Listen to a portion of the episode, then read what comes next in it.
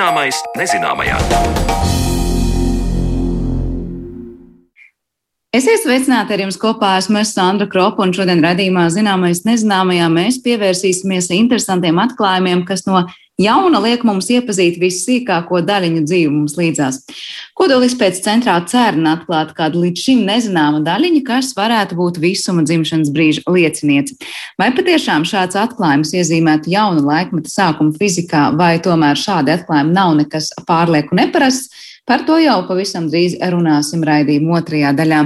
Taču pirms tam aicinu ieklausīties Marijanas Baltkalnas sarunā ar fiziķu Mārci Auziņu par to, vai kvantu fizika pierāda, ka tas, ko mēs uzskatām par realitāti, tik tiešām ir mūsu pašu izdomājums. Pagājušā gadsimtā sevi spilgti pieteica kvantu fizika, un kopš tā brīža priekšstats par vairākām parādībām ir krietni mainījies. Gaisma, laiks, telpa un apziņa ir daži no jēdzieniem, kurus kvantu fizika ļāvusi ieraudzīt citādi. Tās mudina domāt, ka realitātē ir iespējams pilnīgi viss, arī šķietami nereālais. Vai tā tiešām ir un kāpēc kvantu fizika atroda dzirdīgas ausis ezotērikas lauciņā, šos jautājumus aplūkoja Mariona Baltkalne. Ir dažādas zinātnes apakšnozares un dažādas pētniecības metodes, taču neatkarīgi no tā, vairākas disciplīnas mēģina rast atbildes universāliem jautājumiem par lietu kārtību un to, kā viss radies.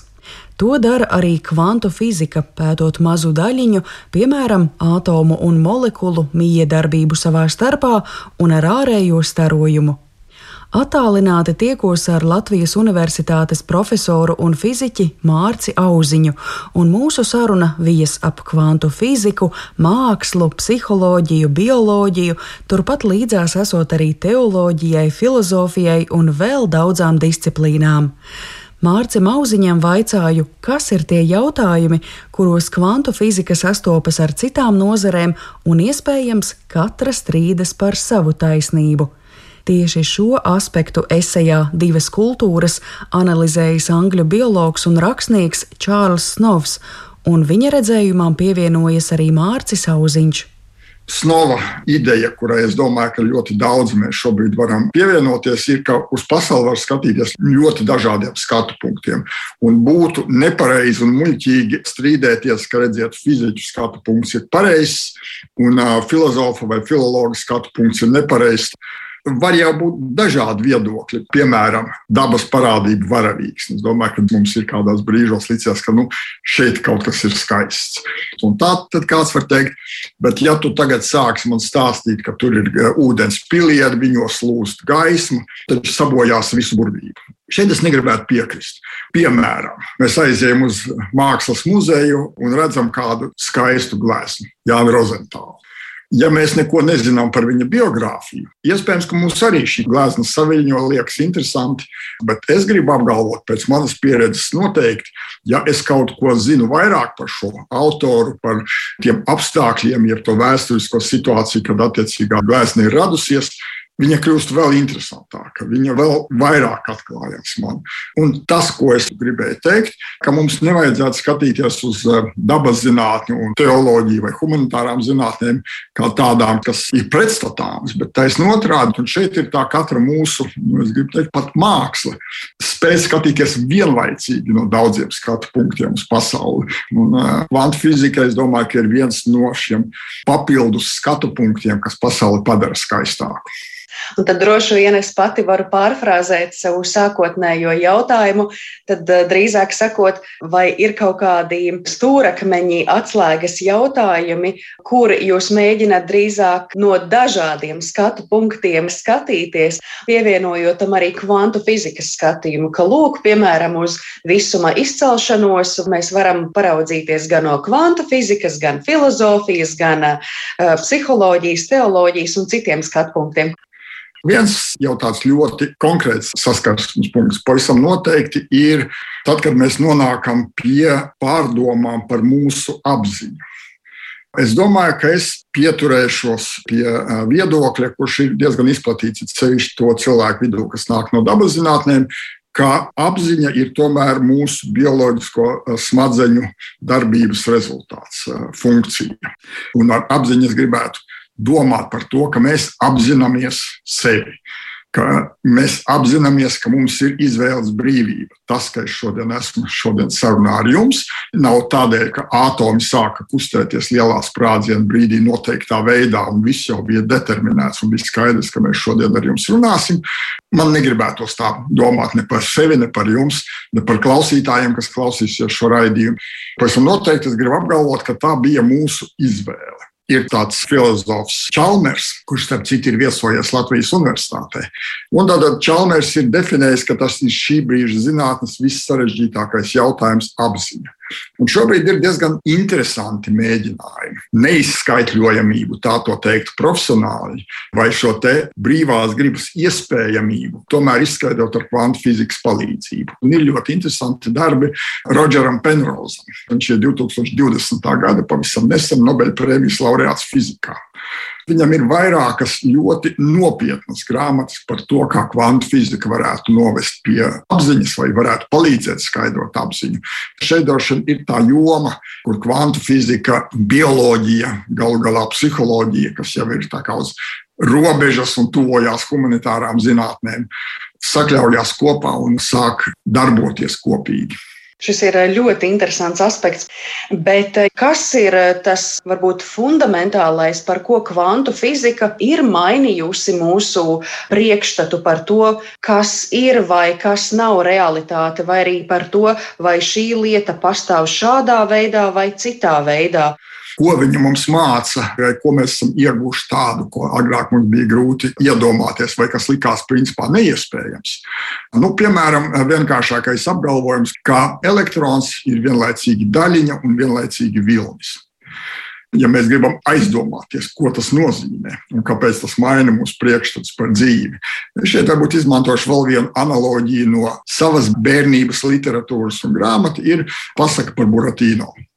Un tur bija viena epizode. Buratīno bija notikusi kaut kāda nelaime, viņš bija mežā un nevarēja īsti saprast, vai viņš ir dzīves vai vairs nav dzīves. Tika izsaukts meža gudrākais iemītnieks Pūce, un Pūce uzstādīja diagnozi. Pūce teica, ja Buratīno ir dzīves, tad tā ir droša zīme, ka viņš nav miris. Bet, ja viņš ir miris, tad tā ir droša zīme, ka viņš nav dzīves. Kur šeit kvantu fizika? Nu, ja kaut kas ir daļiņa, nu, tad tā ir droša zīme, ka tas nav vilnis. Un, ja tas ir vilnis, tad tā ir droša zīme, ka tā nav daļiņa. Tā mēs domājam par pasauli. Un pēkšņi mums saka, ka nē, kvantu fizikā objekts var būt vienlaicīgi daļiņa, vienlaicīgi vilnis. Un mēs zinām vēl citus piemērus. Kaķis var būt vienlaicīgi dzīves un vienlaicīgi miris. Bet mēs saprotam, ka šis ir ļoti atšķirīgs skats uz pasauli nekā mēs agrāk skatījāmies. Vēl vairāk pie viņa ir ļoti grūti pierast un viņa ir ļoti grūti pieņemt. Nu, man ir sapratni, kā šī pasaule ir iekārtota. Un tagad nāk kvantu fizika un saka, ka nē, pasaule ir iekārtota sarežģītāk. Un tas var radīt sajūtu, un ik pa brīdim ir radījis sajūtu. Nu, ja jau elektrons var atrasties divās vietās vienlaicīgi, kaķis ir iespējams vienlaicīgi dzīves un beigts, tad pasaulē, tagad žargonā teikšu, ir iespējams da jebkas. Un kvantu fizika mums māca tomēr domāt par šiem šķietami neiespējamām lietām precīzi, un tad pateikt, kuras ir tikai šķietami neiespējamas, un kuras patiešām ir muļķības un vienkārši neiespējamas lietas. Un tas ir svarīgi, jo, protams, tad, kad mēs sakām, ka mums ir dažādi faktu pārbaudīšanas rīki, lai izvairītos no viltu ziņām, nu, droši vien, ka ir, viņi ir vajadzīgi, bet tik ilgi, kamēr mums nebūs pašos radusies šī sajūta iekšējā, kas ir iespējams, kas iespējams ir traki, revolucionāra ideja, bet nav neiespējama. Un kas ir vienkārši muļķības, kamēr mums šī iekšējā sajūta nebūs uh, nostiprinājusies un balstīta nopietnā uh, izglītībā, un kur ir balstīta savukārt nopietnā zinātnē, tā skaitā kvantu zinātnē. Uh, tik ilgi nekādu faktu pārbaudes instrumenti līdz galam mums nepalīdzēs. Mūs varēs piemuļķot. Tanī brīdī, kad mums ir šī adekvātā izjūta par pasauli radusies, tā ir skaitā ar kvantu fizikas palīdzību, mums ir daudz grūtāk piemānīt, piemuļķot un un iestāstīt kaut kādus brīnumus. Auziņkungs, bet eh, es klausoties šo visu, um, atdūros eh, pat pie tāda jautājuma, kas iespējams arī klausītājiem varētu rasties. Nu, bet kā fizika, matemātikas, tas taču vienmēr asociējas tiešām ar kaut ko racionālu, ar formulām, kur viss ir aprēķināts, un tas to visu atšķir no humanitārajām nozarēm, kur nu, ir spriešana, ka varētu būt šādi un varētu būt šādi. Bet kā tad tagad sanāk, ka tas ienāk arī tik eksaktā nozarē, kā kvantu fizika, un kas tad uh, tur ir tas, kas mums tagad pēkšņi pasaka, ka var būt tā un varbūt arī šā, ka gaisma izrādās ir ne tikai vilnis, bet ka gaisma ir arī daļiņa, vai ka kaut kas var būt dzīves vai miris. Ir taču jābūt kaut kādai teorēmai, kas to pamatu sniedz. Kvantu fizika joprojām balstās ļoti precīzos matemātiskos vienādojumos. Tikai šo vienādojumu rezultāts ir nedaudz atšķirīgs no tā, ko mēs esam pieraduši redzēt, piemēram, klasiskā fizikā. Un es mēģināšu uh, noilustrēt, ko nozīmē šī atšķirība. Klasiskā fizika mums precīzi ļauj paredzēt notikuma rezultātu. Ja es biļarda bumbiņām likšu sadurties noteiktā veidā, kā viņas lidos pēc sadursmes. Kvantu fizikā joprojām ir vienādojumi, un kvantu fizikas pamatu vienādojums saucās Schrödingera vienādojums. Schrödingera vienādojums atšķirās, ja kvantu fizikas matemātiskā aprēķina rezultāts atšķirās no klasiskās fizikas, ka ar absolūtu precizitāti kvantu fizikā mēs varam paredzēt varbūtību. Līdz ar to es nevaru precīzi paredzēt eksperimentu rezultātus, bet tas nenozīmē, ka mana matemātika vairs nedarbojās, vai matemātika vairs šo neapraksta, bet viņa apraksta citos terminos, viņa apraksta šīs varbūtībās. Otra lieta, ko kvantu fizika māca mums visiem domāt, un kas arī ir ļoti svarīga mūsu ikdienas dzīvē, domāt noteiktās abstrakcijās. Jo kā mēs sākam mācīties fiziku? Mēs sākam mācīties, es tagad ļoti vienkāršošu, bet tomēr. Sākumā mēs sakām, mums ir biļarda bumbiņas, mēs viegli varam iedomāties, kā viņas tur ripo, sadurās. Tas, ko mēs pieliekam klāt, mēs mākam aprakstīt ar matemātiku, kas tur notiek. Tad mums saka, bet redziet, gaiss vai gāze ir tādas pašas mazas bumbiņas, atomi vai molekulas, mēs viņas neredzam. Bet viņas tur eh, arī kustās noteiktā veidā, miedarbojas, eh, saduras, Un tas pats vien ir. Nu, mums tā kā jāpierod pie šāda domāšanas veida, jo es tā kā apkārt gaisā neredzu tās bumbiņas. Šādās kategorijās domāt par pasauli, ka ne viss ir jābūt uh, aptaustāmam, ieraugāmam, kā biļardu bumbiņām, ka var būt šī abstrakcijas noteikti pakāpe. To mums māca fizika, un šis ir viens no veidiem, protams, ne vienīgais veids, bet viens no veidiem, kā to mācīties darīt, kā trenēties to darīt. Es gribēju jautāt, vai varbūt kvantu fizika tiem cilvēkiem, kuri tā pārliecinoši tic ezotērikas idejām, sniedz zināmu mierinājumu, ja mēs tā varētu izteikties. Proti, ko es ar to domāju? Nu, ir cilvēki, kuri ļoti tic idejām par aurām, enerģētiskajām čakrām un visādām citām ar aci netveramām, bet šķietami sajūtamām lietām. Tad ir daļa cilvēku, kas par to pasmējas, nu, kas tas tāds ir. Un iespējams, tagad varbūt šie cilvēki saka, nu, labi, jūs mums neticat, bet ir tāda kvantu fizika, kurā daudz kas ir iespējams, un līdz ar to tas mums ir pamatojums teikt, ka ir šāda dažādas auras un čakras, un ka ir šī ezotēriskā pasaule. Es teiktu, ka būtu diezgan bīstami, lai gan tas ik pa brīdim notiek, un diez vai būtu pareizi teikt, ka redziet, mēs ar kvantu fiziku pierādījām, ka tas, ko saka kristīgā ezotērika, budisti vai vēl kāds, ka redziet, šis ir pierādījums, ka tas, ko viņi teica, ka tā ir taisnība, vai otrādi teikt, ka es dziļā meditācijas stāvoklī eh, atklāšu jaunu kvantu fiziku. Visbiežāk tā tas īsti nenotiek. Bet tā pašā laikā es negribu nekādā veidā mazināt šo te ezotēriskās pieejas nozīmību un negribu ezotērisko pieredzi nolikt kā kaut kādu nepareizu un uh, citādi. Es domāju, ka katram no mums ir bijušas kādreiz tādas, nu, sauksim, pārpasaulīgas sajūtas. Jūs klausieties Baha koncertu un pēkšņi saprotat, pasaule ir nedaudz citāda, kā viņa bija pirms tā muzika sāk skanēt. Jautājums, kas tajā brīdī notika? Un es gribu apgalvot, ka jūs ieguvāt ne tikai jaunu pieredzi, bet jūs ieguvāt jaunas zināšanas. Bet jaunas zināšanas nevis tādā nozīmē, ka tagad es varu uzrakstīt formulu un tā tālāk. Ar zināšanām šī gadījumā es saprotu jaunu skatu uz pasauli. Zināšanas šī nozīmē tas, kas maina to, kā es šī pasaulē jūtos, ja gribiet, kā es šajā pasaulē funkcionēju. Un līdz ar to tās ir papildinošas pieredzes. Bet slikti būtu meklēt vienas skaidrojumu. Otrā, tāpat kā varbūt, ja tā ļoti vienkāršot, es teiktu, tad, kad mēs domājam par pasaules rašanos, lielo sprādzienu un tā tālāk, meklēt pretrunas ar svētajiem rakstiem, manuprāt, ir muļķīgi. Svētie raksti nav dabas zinātņu grāmata un nav par to, kā fiziski radās pasaule pasaule, un arī pretēji. Līdz ar to katrai ir sava joma. Un, ja mēs šo simbiozi spējam sevi noturēt, tad es domāju, ka viss ir kārtībā.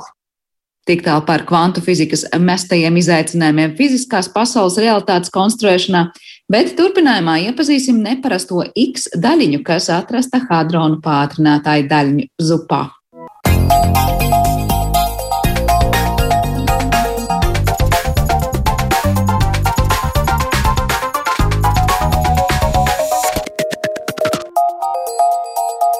Zināmais nezināmajā. Lielais hadrona pātrinātājs ir kā miniatūra laika mašīna aptuvenam ieskatam tajā, kā savulaik radās visums. Cilvēcei vēl jāatmin neskaitāms mīkls un arī jāpiedzīvo neviens vien pārsteigums par vissīkāko daļiņu dzīvi mums līdzās, lai tiktu tuvāk šim visuma dzimšanas brīdim. Nesens atklājums kodola izpētes centrā CERN mudinājis fiziķus pārdomāt to, kādu mēs saprotam kvantu pasauli sev līdzās un kas tad ir šī eksotiskā X daļiņa, kas negaidīti pieteikusi savu klātbūtni. Par to šodien vairāk runāsim ar mūsu studijas viesi Rīgas Tehniskās Universitātes augstas enerģijas daļiņu fizikas un pātrinātāju tehnoloģiju centra direktoru un Latvijas zinātnieku komandas CMS vadītāju Kārli Dreimanu. Labdien, Kārli! Labdien! Sākšu ar pavisam vienkāršu un triviālu jautājumu par to, kas tad īsti ir noticis, kas ir šī mistiskā X daļiņa un kāpēc par to būtu jādomā, jārunā. Un es saprotu, ka pašu zinātnieku vidū nu, tas ir kaut kāds liels un ilgi gaidīts brīdis. Vienmēr uh, saku, ka šādās reizēs ir mazliet uh, jāpietur tas, uh, tā aizrautība un tas entuziasms. Lietas jānoskaidro līdz galam, pirms mēs varam tiešām kaut ko kārtīgi paskaidrot. Uh, bet šajā gadījumā šī X daļiņa ir man, man, no manas skatu punkta visinteresantākā tieši ar savu nosaukumu. Jo šo daļiņu X uh, mēs saucam par X tādēļ, ka tā patiesībā ir nosaukta pēc uh, grieķu uh, burta ksai. Un tā kā tas ir ļoti līdzīgs X, bet uz mūsu mūsdienu klaviatūrām nav atrodams, tad šo daļu nosauc par X, lai cilvēkiem ir vieglāk to uztvert. Tad pavisam īsi par to, kas šī daļiņa uh, pēc būtības ir.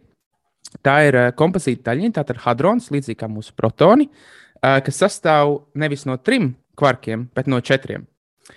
Šo daļiņu mēs pirmo reizi novērojām jau tālākajā 2003. gadā, Bell eksperimentā, taču tas, kur mēs viņu esam novērojuši šoreiz, ir pilnīgi citādās daļiņu sadursmēs. Tātad šajā Bell eksperimentā šī daļiņa tika novērota elektronu un pozitronu sadursmēs, kamēr e, lielajā hadronu pātrinātājā mēs viņu novērojām uh, svina jonu sadursmēs. Tātad lielais hadrona pātrinātājs saucās hadrona pātrinātājs, nevis protona pātrinātājs, tieši tādēļ, ka tas pātrina dažādus hadronus. Šajā gadījumā svina joni ir gluži vienkārši 82 protoni un 126 neitroni vienā lielā hadronā, un tos triecot kopā, mēs varam radīt daudz, daudz blīvāku uh, enerģijas vidi, daudz blīvāku masas vidi, kas ir uh, līdz 50 reizēm blīvāka par uh, pašu atomu kodolu, un tad šajā vidē mēs šoreiz novērojam šo daļiņu. Un tā pavisam interesantā lieta par to ir tā, ka ar šo novērojumu mēs varam sākt domāt, vai šī daļiņa sastāv no četriem kvarkiem, kas ir uh, saturēti kopā līdzīgi kā protonā, vai tā ir vairāk molekulāra daļiņa, kur divi mezoni, tātad mezoni sastāv no diviem kvarkiem, ir sastājušies kopā molekulā. Un tas mums ir ļoti interesanti, jo uz šo jautājumu mums atbildes patiešām šobrīd nav. Kā, kā šie tetra un pentakvarki reāli tik turēti kopā. Bet tāds pavisam jautājums no malas, un teikt, cilvēkiem no ielas, kāda starpība, vai tur ir tie četri kvarki vai pieci kvarki vai kā citādi. Ko tas vispār nu, uz kādiem jautājumiem liek un ļauj atbildēt, vai vismaz meklēt atbildes par ko? Tātad tā kvarku būšana ir interesanta ar to, ka dabā mēs sastopam stabilus uh, hadronus, tātad protonus un neitronus, tikai ar trīs uh, šo kvarku sastāvu. Tātad neviens uh, četru kvarku sastāvoša daļiņa, neviena piecu kvarku sastāvoša daļiņa, un arī divu, no diviem kvarkiem sastāvoša daļiņa, nevienas no tām nav īpaši stabilas un līdz ar to dabā nav novērojamas.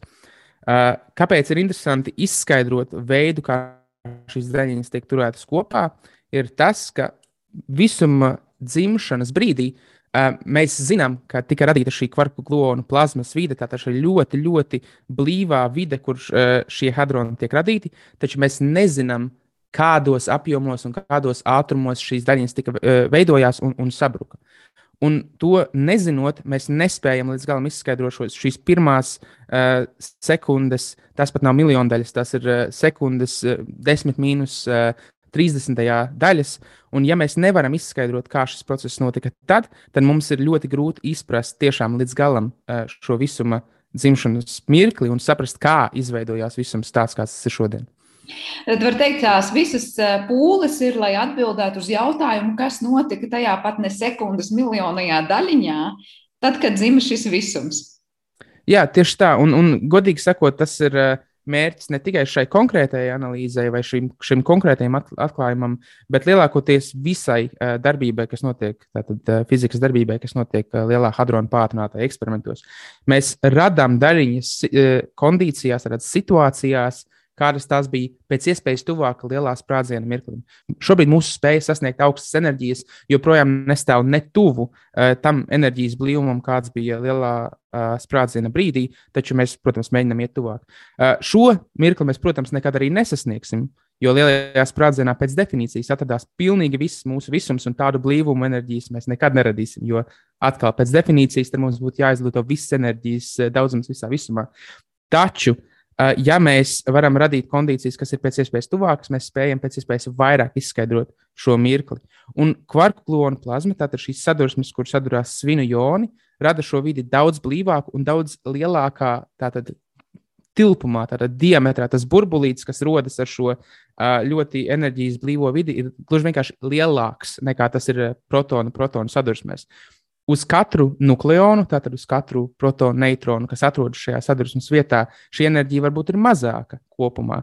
Taču tas enerģijas blīvums ir daudz lielākā apjomā, līdz ar to mēs varam redzēt, kā elementāri daļiņas, kuras mēs citādāk nevaram novērot, lido cauri šai blīvajai videi. Un tas ir tas lielais svarīgums tieši šai, šim konkrētajam atklājumam. Var teikt, ka runa ir par kaut kādu kvarku glu un tādu tā zupu, kurā tad jūs pētāt tās daļiņas kustības, nu, kur tiek cauri ar kādu ātrumu, kurā virzienā tā var ilustrēt apmēram uh, procesu. Tieši tā, tas tā ir ļoti laba ilustrācija. Un, jā, mēs to saucam par kvarku glu un plazmu, bet uh, presē patiešām bieži redzēts šis nosaukums zupa, jo pēc būtības tas patiešām tā arī ir. Tev nav pieejams vesels kartupēlis vai vesels burkāns, bet visi šie kartupeļi un burkāni samalti vienā, vienā šķīvī, vienā zupā. Un tad, novērojot, kā daļiņas, kas rodas šīs zupas iekšienē, lidotāji cauri, mēs varam saprast vairāk tieši to dinamiku visuma sākšanās, visuma dzimšanas brīdī. Uh, bet, ja mēs tā pavisam atkal triviāli skatāmies labi uz šo kvarku glonu zupu, tur parādās kaut kādas šīs X daļiņas, ja mēs jau par tām runājam tajā brīdī. Uh, tās pēc tam tā tad kaut kur nonāk vai kaut ko rada, proti, kā šīs X daļiņas pēc tam ir, es nezinu, pārvērtušās par kaut kādu taustāmu matēriju mums apkārt, par kaut kādu konkrētu, es nezinu, ķīmisku elementu tur kodoliem, vai par ko ir stāsts, kur tā X daļiņa pēc tam ir nonākusi un ko darījusi. Tātad, jā, pēc būtības tas, ko jūs teicāt, ir pavisam pareizi. Un tas, kas notiek ar šīm daļiņām, kā ar visām nestabilām daļiņām, tās gluži vienkārši sabrūk, vai mēs lietojam vārdu hadronizējas. No sākuma sadalās, tad hadronizējas citās daļiņās. Kā jau minēju iepriekš, tad šī konkrētā daļiņa ir tetrakorks, un viņa pavisam noteikti tika radīta visuma dzimšanas brīdī ar visām citām daļiņām arī. Šeit gan jā, jāpieliek kaviete, ka pašā, pašā visuma dzimšanas brīdī, tātad desmit mīnus, kurā tur pakāpē sekundē, uh, viņas netika radītas gluži vienkārši tāpēc, ka kondīcijas bija tik ļoti enerģētiskas, ka nekas nebūtu spējīgs saturēties kopā. Tātad mums atradās tajā mirklī tikai un vienīgi visfundamentālākās elementāras daļiņas, principā pilnīgi brīvā stāvoklī. Tās būtu kvarki, gluoni, fotoni, leptoni. Šīs visas daļiņas bija pilnīgi brīvas šajā ziņā. Un kāpēc tas ir interesanti tieši no šīs konkrētās daļas viedokļa, tātad no hadrona viedokļa, ir tas, ka mēs zinām, ka kvarki un gloni dabā nekad nav atrodami ārpus šīm daļiņām. Viņiem vienmēr ir jābūt ieslēgtiem iekšā šajās kompozīta daļiņās, hadronos.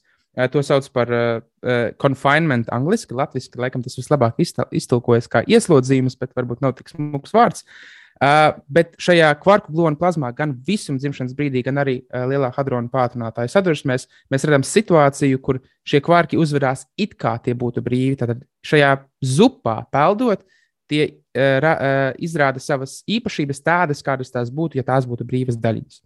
Tad tie rekombinējas dažādās, dažādās elementāra daļiņās, dažādās kompozīta daļiņās, tā ir skaitā šajās X daļiņās, kuras ir ne tikai viena, bet ir vairākas. Uh, Un uh, pēc tam, kad šīs daļiņas uh, sakombinējas, tās ātri vien sabrūk stabilākās daļiņās, kā, kā protonos un neitronos, un, un, un arī leptonos. Un tad tās tālāk visumā mēs redzam, kā uh, zemes enerģijas režīmā atrodamās daļiņas, piemēram, protoni un elektroni. Tad var teikt, šī te X daļiņa ir tā tāds priekštecis jebkuram protonam un neitronam, ko mēs pēc tam, nezinu, šobrīd novērojam, jebkurā tur, nezinu, citā tur atomu kodolā vai kā.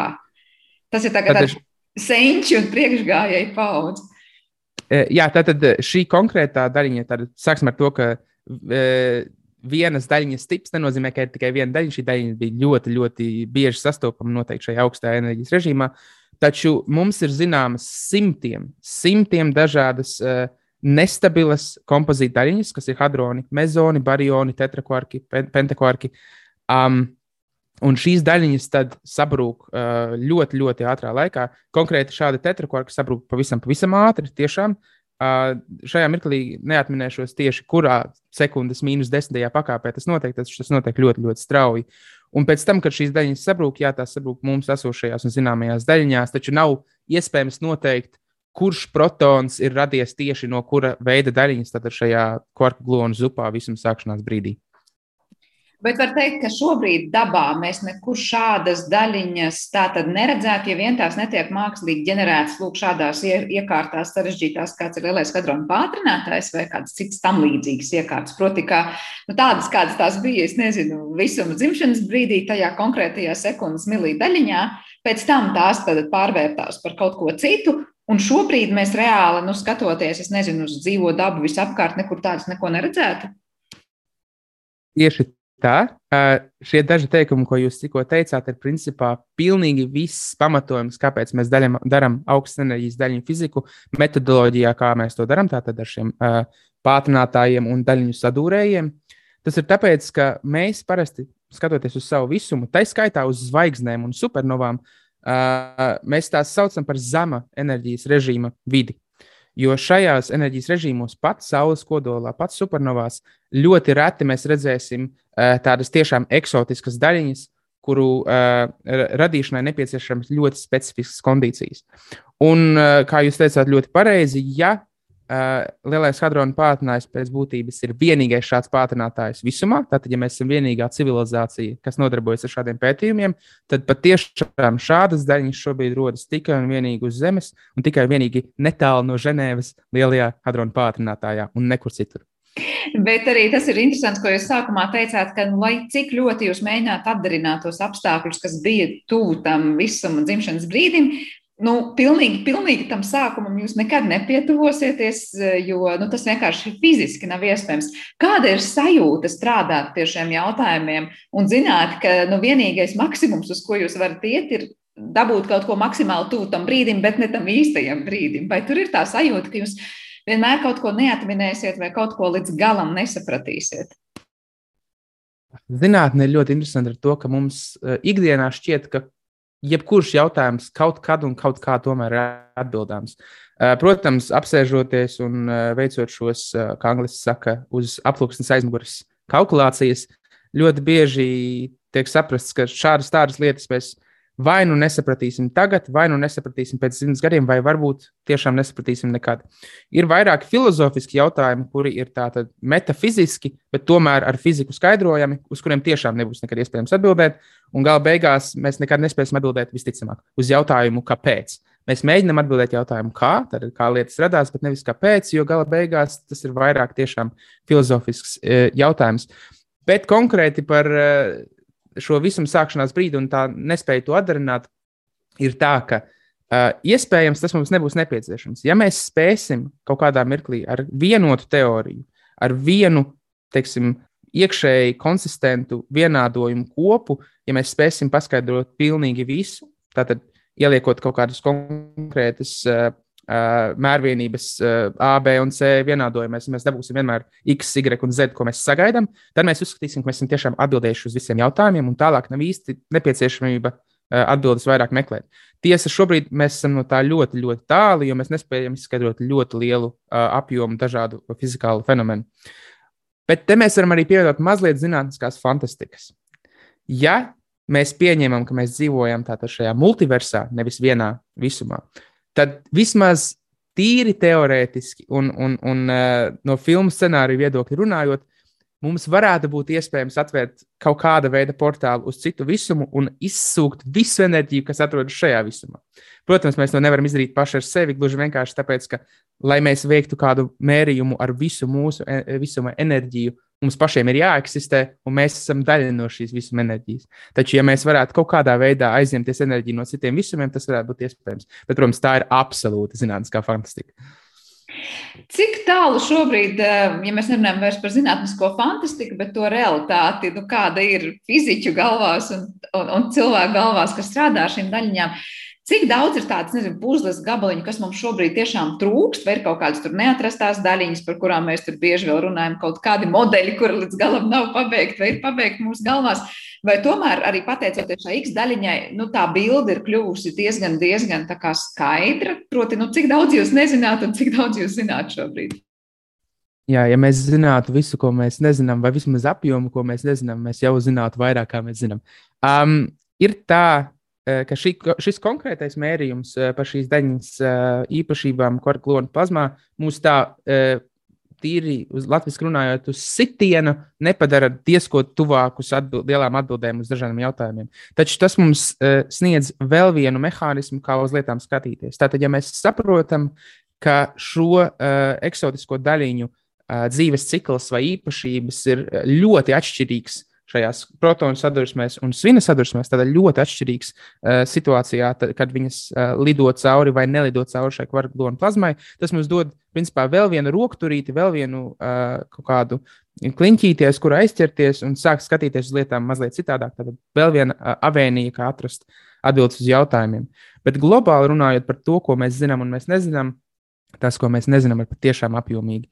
Piemēram, un šis ir piemērs, ko mēs minam vienmēr, ir tas, ka mēs šobrīd zinām tātad, četrus fundamentālus spēkus. Tad, ja pieskaitām Higgs zonu un Higgs lauku, tad mēs varam teikt pieci, bet mēs principā vienmēr sakām četri spēki, no kuriem viens ir gravitācija.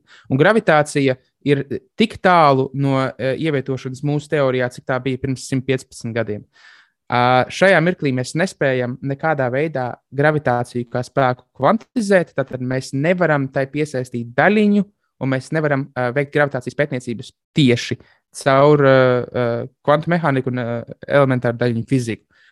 Tas ir milzīgs caurums standarta modelī, lai cik arī šis standarta modelis nebūtu kvalitatīvs, jo tas norāda uz to, ka ir jābūt daudz apjomīgākam ietveram, kaut kam, kas ir vai nu pilnībā citādi izteikts, vai nu daudz, daudz, daudz uh, augstākā enerģijā aprakstāms, kas varētu pievienot šo gravitāciju mūsu esošajam modelim. Un, protams, atvērto jautājumu ir vēl daudz un dikti. Ir tumšās matērijas, ir tumšās enerģijas un lietas, kuras mēs spējam no, novērot un zinām, ka eksistē, bet vēl joprojām nekā nespējam izskaidrot ar mūsu esošo teoriju. Varbūt šajā brīdī es varu lūgt pavisam vienkārši, kam atgādināt, kam izskaidrot no mūsu klausītājiem, Kas īsti ir šis standarta modelis? Es saprotu, tas ir nu, tas priekšstats, kurā mēs šobrīd dzīvojam, par to, kā lietas strādā un ir uzbūvēts.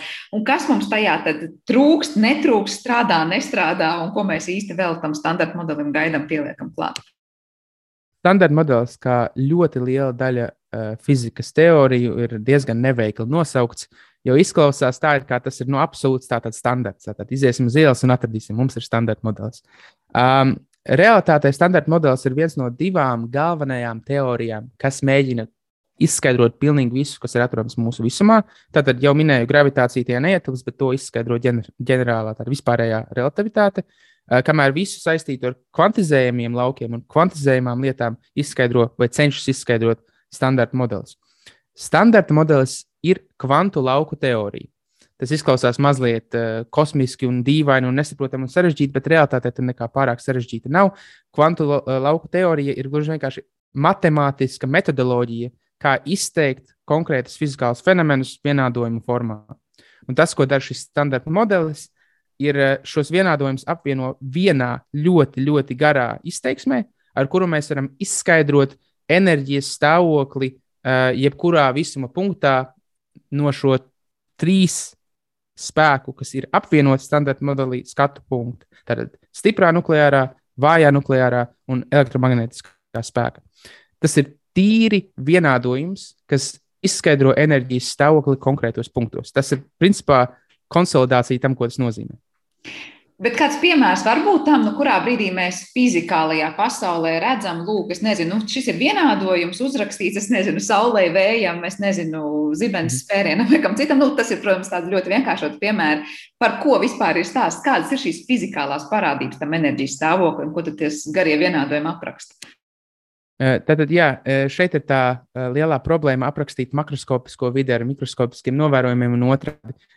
Šķiet, ka vistuvāk situācijai, kur ar standarta modeli mēs varētu izskaidrot kaut ko redzamu, ir tiešām novērojot, piemēram, saules degšanu vai jebkāda veida radioaktīvās parādības.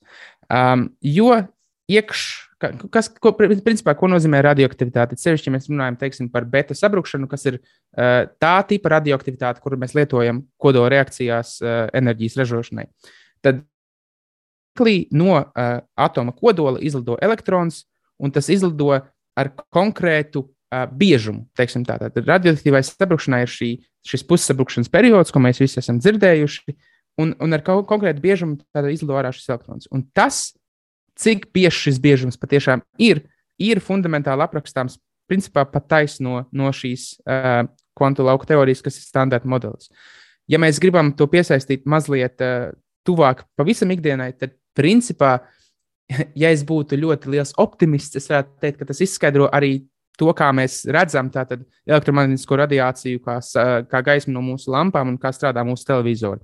Iemesls, kāpēc es saku optimistisks, ir tas, ka no šī standarta modeļa mēs varam atvasināt visus vienādojumus, kuri noteiktu šo parādību darbību. Taču šis atvasinājums mums aizņemtu ļoti ilgu laiku un ļoti daudz papīra lapas. Principā runa ir par to, ka standarta modelis patiešām izskaidro pilnīgi visu, ko mēs redzam ikdienā, izņemot gravitāciju. Tātad tas izskaidro, kāpēc uh, magnētisks materiāls līp pie mūsu leduskapja, tas izskaidro, kāpēc, uh, ieslēdzot uh, elektrības spīd mūsu uh, spuldzītes un tā tālāk, tā joprojām. Un tas viss, vismaz tīri teorētiski, patiešām ir atvasināms no šī viena lielā vienādojuma. Tas vienkārši aizņemtu ļoti daudz laika. Bet šajā gadījumā šim atklājumam, tam, tā X daļiņai un tam novērojumam par to, ir tā tad vieta tajā, kā viņi vai nu papildina to standarta modeli, apstiprina kaut ko, kaut kādus tukšos laupus aizpilda, vai šobrīd patiesībā šis atklājums neko tur nav ne satricinājis, ne, ne pielicis klāt. Tātad pat pa tiešo uh, standarta modeļa izteiksmēm un um, tam, kā mēs redzam visu mūsu būvi, kā tas ir šobrīd, uh, nē, šī daļa uzreiz nerada uh, kaut kādas kondīcijas, kas pilnībā izmaina mūsu teoriju. Taču tas, ko šis konkrētais novērojums, pat neatklājums, jo šī daļa bija atklāta pirms tam, bet novērojums mums sniedz, ir iespēju ar vēl vienu veidu uh, pētīt uh, mūsu šīs elementāra daļu sadursmes un arī svina jonu sadursmes. Un jo vairāk leņķu, no kuriem paskatīties uz objektu mums ir, jo lielāka iespēja, ka mēs šo objektu pilnībā izpratīsim. Tad tas ir principā tas, ko šis mums ir devis. Līdzīgi mēs varam skatīties uz, piemēram, šo gravitācijas viļņu atklājumu LIGO pāris gadus atpakaļ. Kāpēc astrofiziķi bija ļoti priecīgi par šo novērojumu, ir ne tikai tāpēc, ka tas apstiprināja dažas teorijas, bet arī tāpēc, ka tagad mēs varam novērot visumu izmantojot gravitācijas viļņus kā mūsu teleskopu. Nevis redzamo gaismu, nevis radioastronomiju, bet tiešām gravitācijas viļņu astronomiju. Tad līdzīgi ir ar šo, tas mums sniedz vēl vienu iespēju paskatīties uz šīm daļiņām mazliet citādāk. Tad vēl viens skatu punkts, var teikt, ir pievienots. Es vēl gribēju pavaicāt par to, cik liels un nozīmīgs tas atklājums ir pašā cernā un kā notika nu, tas, nezinu, tas brīdis, kad tas tomēr tika ieraudzīts un apstiprināts un, un, un noteikts. Vai tā ir tāda nu, viena no lielajām uzvaras dienām, vai tā ir tāda nu, kārtējais panākums, bet nekas tāds, nu, kura dēļ varbūt uh, visi tajā iesaistītie zinātnieki teiktu manas dzīves augstākais sasnieguma punkts uh, karjerā?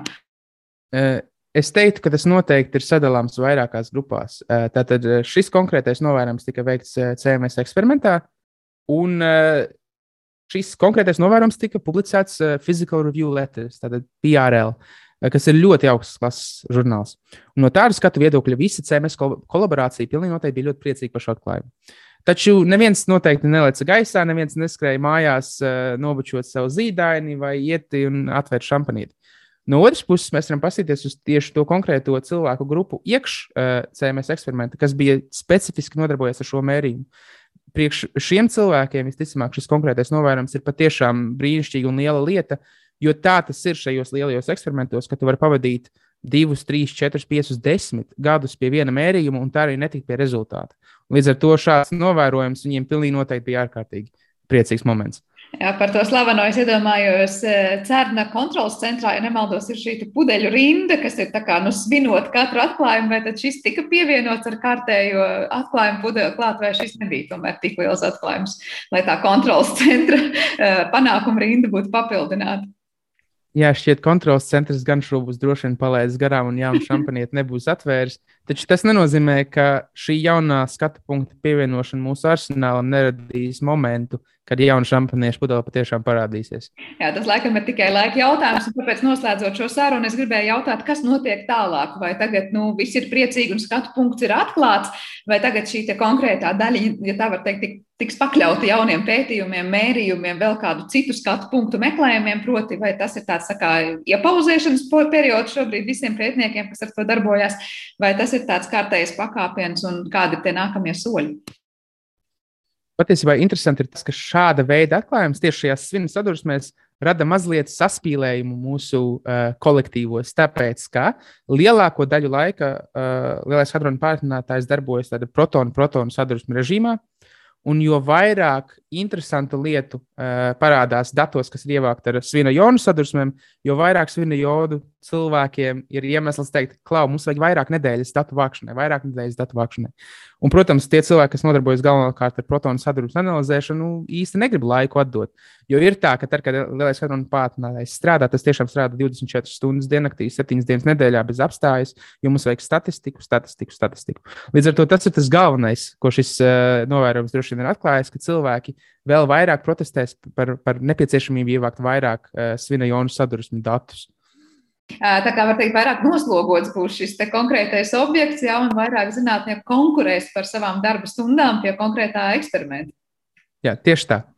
Bet nu, katrā ziņā mēs ceram sagaidīt gan jau atkal kā jaunus kādus paziņojumus par to, kas jauns ir ieraudzīts, saprasts un novērots. Es saprotu, ka kaut vai šo statistiku vācot, tomēr tā informācija neizpaliks.